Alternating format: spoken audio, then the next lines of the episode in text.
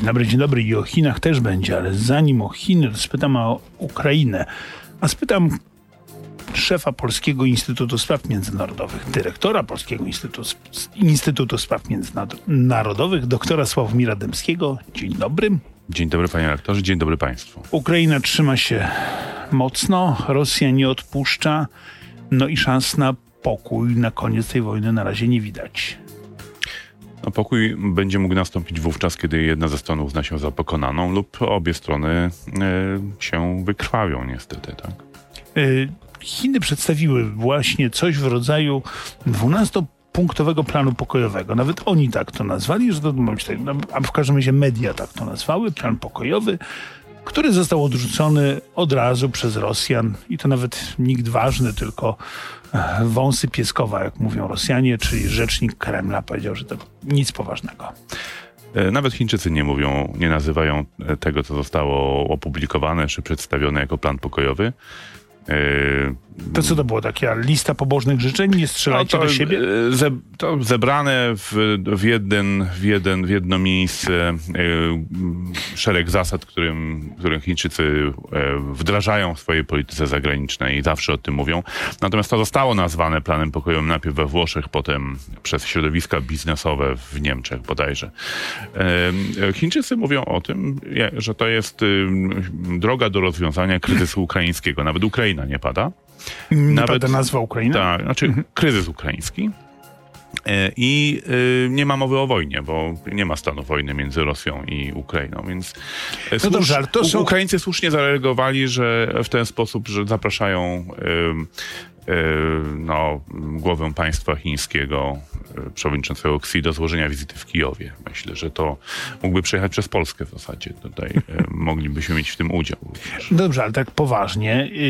są inne, ważniejsze sprawy związane z Chinami, no i to jest to całe to zaniepokojenie świata, głównie Ameryki, że Chiny wesprą Rosję, że Chiny będą sprzedawać e, Rosji broń. Jak słyszeliśmy, broń śmiercionośną. E, e, tak, owszem. E, no, e, punktem wyjścia jest jednak stosunek do prawa międzynarodowego. Tak? No, czyli e, Chiny bardzo wstrzemięźliwie oceniają ten stan, który, z którym mamy do czynienia, e, czyli e, nie mówią, że Rosja napadła na Ukrainę, bo jeżeli Rosja napadła na Ukrainę, to dostarczanie agresorowi uzbrojenia jest po prostu sprzeczne z prawem międzynarodowym. Więc e, jako stały członek Rady Bezpieczeństwa Chiny mają szczególne obowiązki, aby dbać o pokój.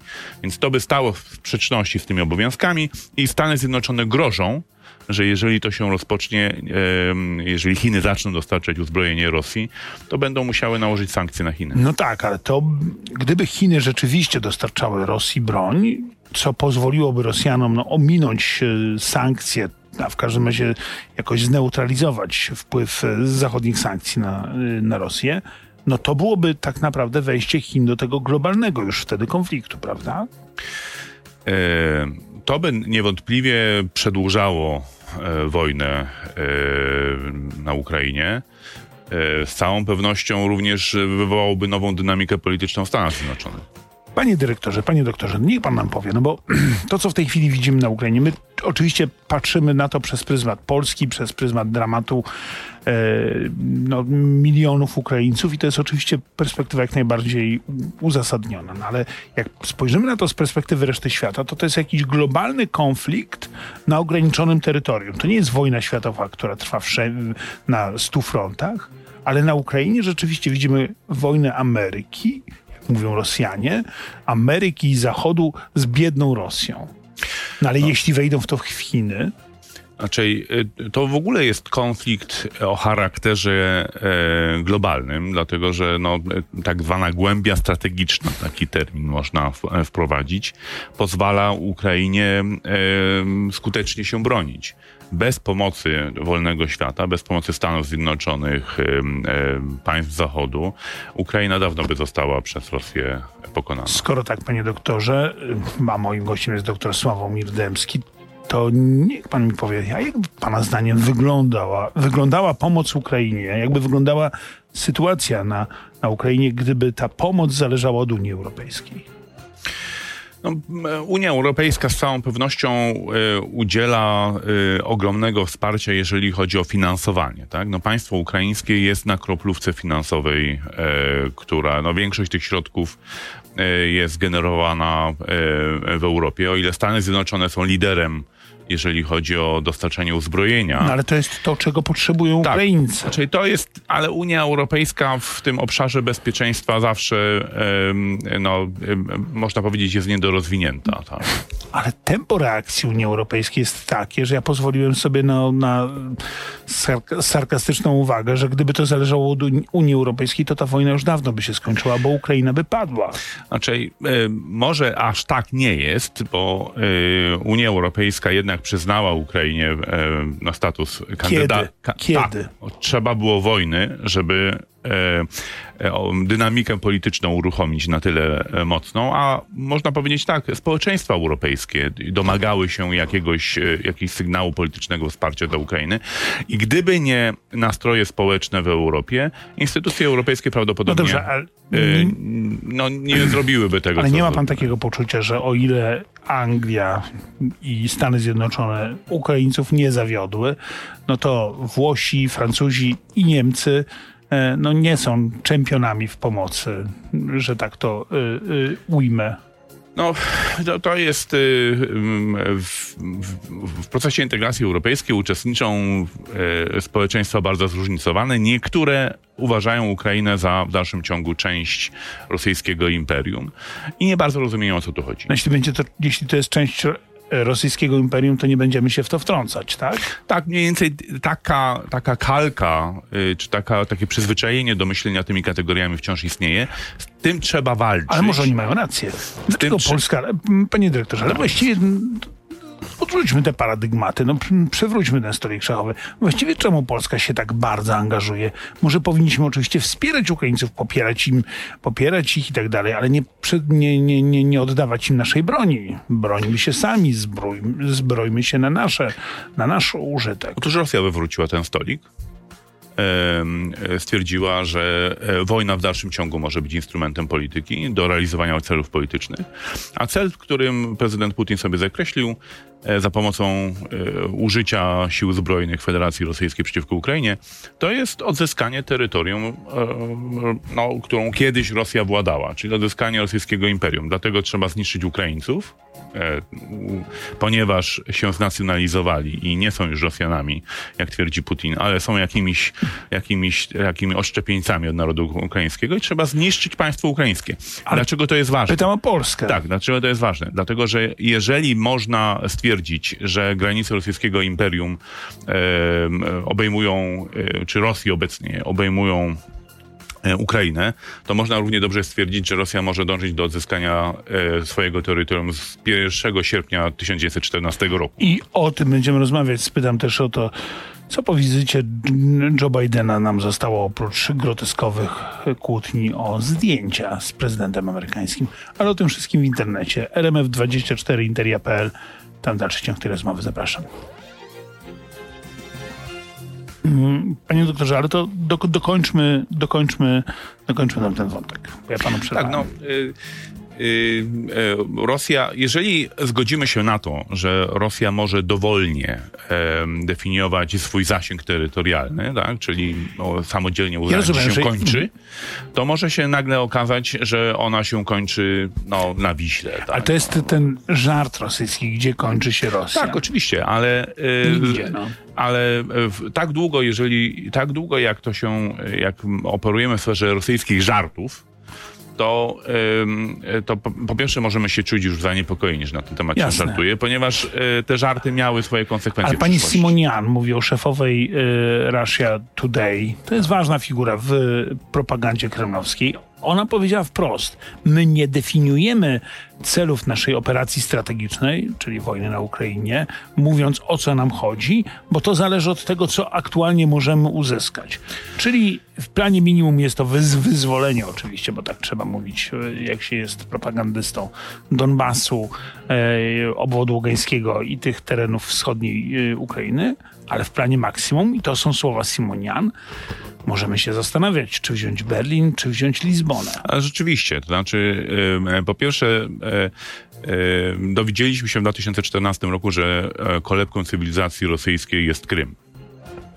Tam się wszystko zaczęło. Mhm. E, potem e, dowiedzieliśmy się, że e, Ukraina jest prastarą rosyjską ziemią, którą no, należy odzyskać. Tak? tak? Ale słyszeliśmy także... To tak jakby nam Niemcy okupowali Ale słyszeliśmy także wielokrotnie, że granicą rosyjskiego imperium była brama brandenburska, bo tam powiewał czerwony sztandar. I sam słyszałem rosyjskich dyplomatów, którzy opowiadali, że do tego będzie Rosja dążyć, tak? że będziemy dążyć do przywrócenia. Więc mm, nie przeszkadzajcie nam Niemcy, tak? Nie przeszkadzajcie nam, bo pamiętajcie, że tutaj na tej bramie brandenburskiej powiewał nasz czerwony sztandar kiedyś. I pewnego dnia możemy tu wrócić. Sam słyszałem takie, taką opowieść. Znaczy, jeżeli to są słowa wiarygodne, no bo oczywiście można powiedzieć tak, to mówią jacyś warianci w, w, rosyjskiej telewizji. Nie, to był doradca Putina. Ale właśnie chciałem to powiedzieć, ale to nie są przypadkowi przechodnie, którzy tam mówią, co im ślina na język przyniesie, prawda?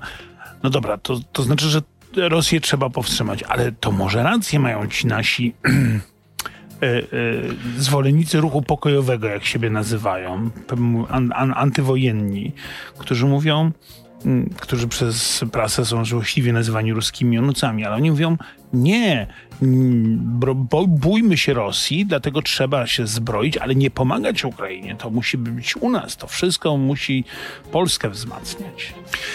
No, tak długo jak Ukraina prowadzi skuteczną wojnę e, obronną, tak długo nie my sami się nie musimy bronić. Tak? Te, te czołgi, które tam e, e, posiadaliśmy, przecież posiadaliśmy po to, aby się bronić przed Rosją. Więc w tej chwili, jeżeli udało nam się e, e, no, wesprzeć Ukraińców tymi czołgami, to one spełniają swoją funkcję, po które, dla której ją, posiadaliśmy te czołgi, dla której zakupiliśmy te czołgi, utrzymywaliśmy. Więc e, oczywiście ta wojna może się skończyć na dwa sposoby. Albo Rosja wygra i wtedy e, instrument, który użyła przeciwko Ukrainie, będzie zalegitymizowany, tak? czyli będzie uważała, że dobrze zrobiła. Tak? To jest skuteczny instrument. Albo Rosja przegra i wówczas może dążyć do no, e, rewanżu. Tak? Więc niestety będziemy sąsiadować z bardzo niebezpieczną Rosją przez długi e, czas i e, po pierwsze e, musimy wzmacniać Ukrainę, aby jak najbardziej osłabiała rosyjski potencjał. Po drugie musimy się zbroić, aby podnosić zdolność obronną własną, mobilizować sojuszników do pomagania Ukrainie. No i generalnie rzecz biorąc jednak przygotować się na czasy, w których, w których mm, używanie siły, agresja, aneksja terytorialna będzie jedną z rzeczywistości politycznych zaczęliśmy żyć w bardzo niebezpiecznych czasach, to jest oczywiste. A przecież wydawało nam się, że świat taki być nie może, że już była druga wojna światowa i po niej co? Ludzkość zmądrzała. Tak. Yy, uważaliśmy, że pewna epoka, przynajmniej historyczna, się skończyła, albo w ogóle się historia skończyła. Tak. Yy, historia się toczy dalej. Jak widać, może natrafiać Ale jak na widać, próby. nic się nie zmieniło. To znaczy ciągle elementem prowadzenia no, polityki de facto, już nawet nie międzynarodowej, tylko polityki po prostu, jest napadnięcie na jakiś inny kraj. To jest próba cofnięcia naszego no, świata. Putin tak ewidentnie tak jest, uważa. Dlatego, że Putin uważa, że e, w ciągu ostatnich 30 lat Rosja no, musiała się cofać traciła terytorium, a jednak w kulturze politycznej rosyjskiej e, przyłączanie terytorium to jest kryterium sukcesu e, przywódcy. Oczywiście, no, im, im lepszy car, znaczy najlepszym carem jest ten, za którego Rosja była największa. Tak jest. I to w dalszym ciągu e, wzmacniano ten przekaz przez ostatnie 20 lat. E, cała ta religia Wielkiej Wojny Ojczyźnianej, tak jak to Rosja nazizm pokonała, służyła temu, aby, poka aby, aby pokazać, jak skuteczną przywódcą był między innymi e, e, Stalin. No to ja spytam o to, co zostało po wizycie Joe Bidena, oprócz, jak wspomniałem, tych groteskowych nie wiem, czy one są śmieszne, są trochę śmieszne, kłótni o zdjęcia i o wizyty i o spotkania z prezydentem amerykańskim, ale co zostało tak naprawdę? Znaczy, czy coś osiągnęliśmy? Bo oczekiwaliśmy na konkrety.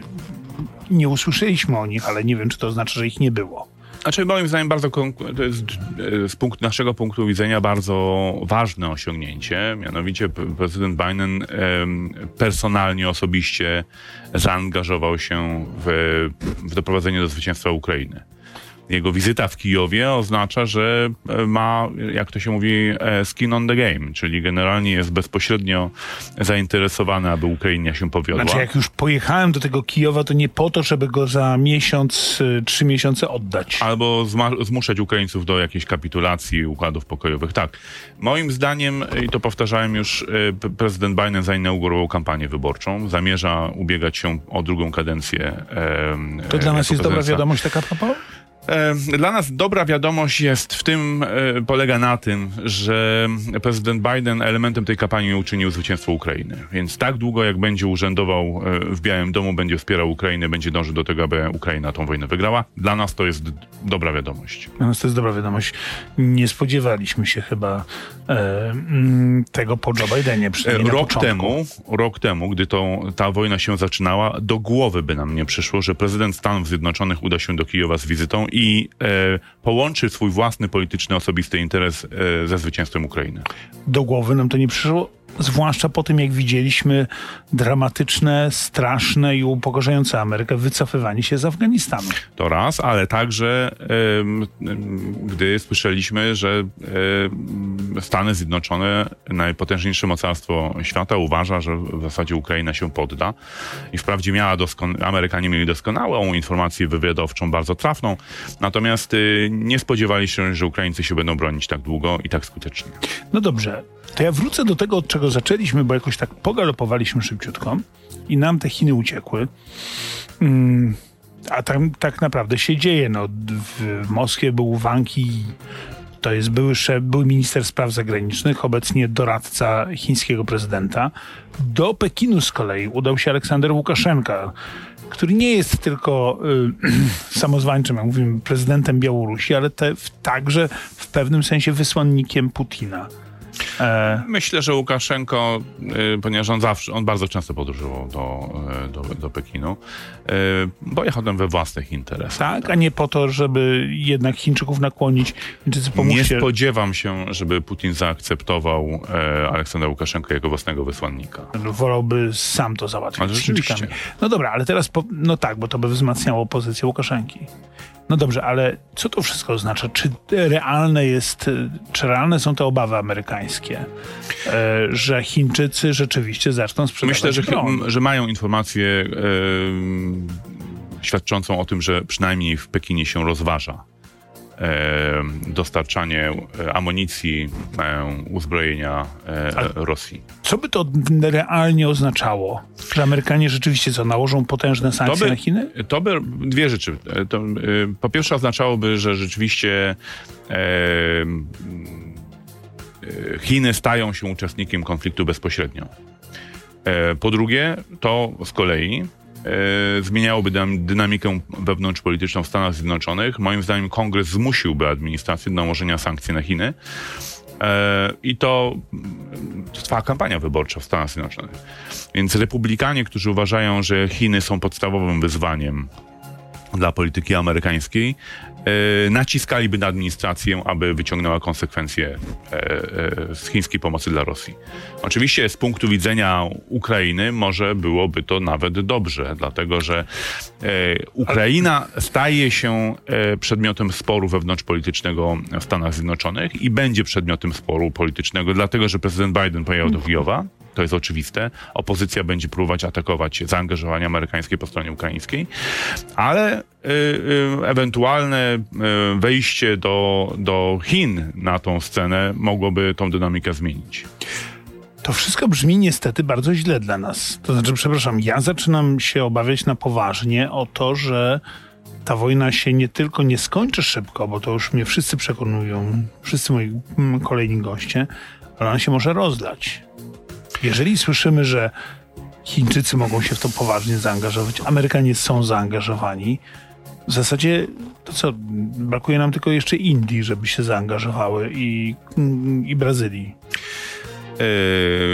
Indie i Brazylia No to było- starają to się. sarkazm, tak. tak, ale no to są państwa tak zwanej grupy BRICS. Więc, Wiem, wiem, jeszcze więc, tam z RPA, tak? I Tak, więc no, te, te mocarstwa starają się y, stać z boku, aczkolwiek e, ponieważ e, ze względu na swoje aspiracje do odgrywania globalnej roli mocarstwowej, e, do wejścia do Rady Bezpieczeństwa i Rady, Rady Bezpieczeństwa ONZ jako stali członkowie, e, im się nie podoba, że Rosja ponosi e, klęskę, czy może zostać na Ukrainie pokonana. No właśnie, ale to pokazuje, dlaczego o tym wspomniałem. Wspomniałem o tym, że ten konflikt no nie wygląda na to, żeby on się mógł szybko skończyć. Znaczy, e, jak ten konflikt może się skończyć szybko zwycięstwem Ukrainy, o ile Stany Zjednoczone, administracja Bi- Bidena e, e, przestanie kreślić e, kolejne czerwone linie sami dla siebie, bo to nie Putin kreślił, kreślił te czerwone e, linie, ale to administracja prezydenta Bidena, a potem e, również niektórzy europejscy sojusznicy.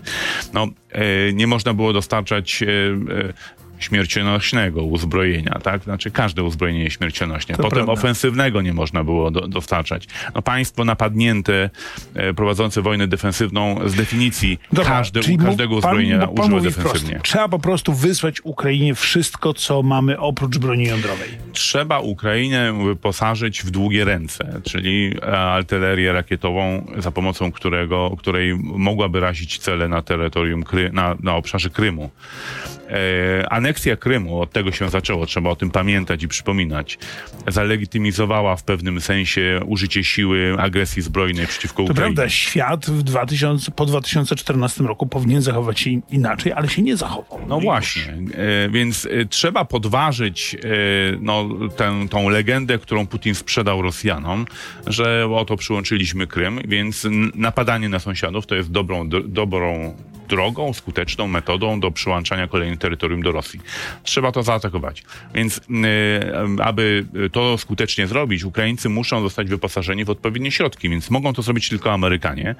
E, mm, więc e, Jack Sullivan parę dni temu Jake Sullivan, czyli doradca, do doradca spraw bezpieczeństwa prezydenta Ameryki. Bidena powiedział, że e, no, dostarczanie takiej e, dalekosiężnej a, a, e, e, artylerii rakietowej wchodzi w grę, więc już, już się zbliżamy do tej decyzji. Zbliżamy się do tej decyzji i. Podejrzewam, że prezydent. Biden jest zain, będzie zainteresowany wyborczo, aby Ukraina e, odniosła ten sukces, więc prędzej czy później e, zostanie wyposażona w środki, które to umożliwią.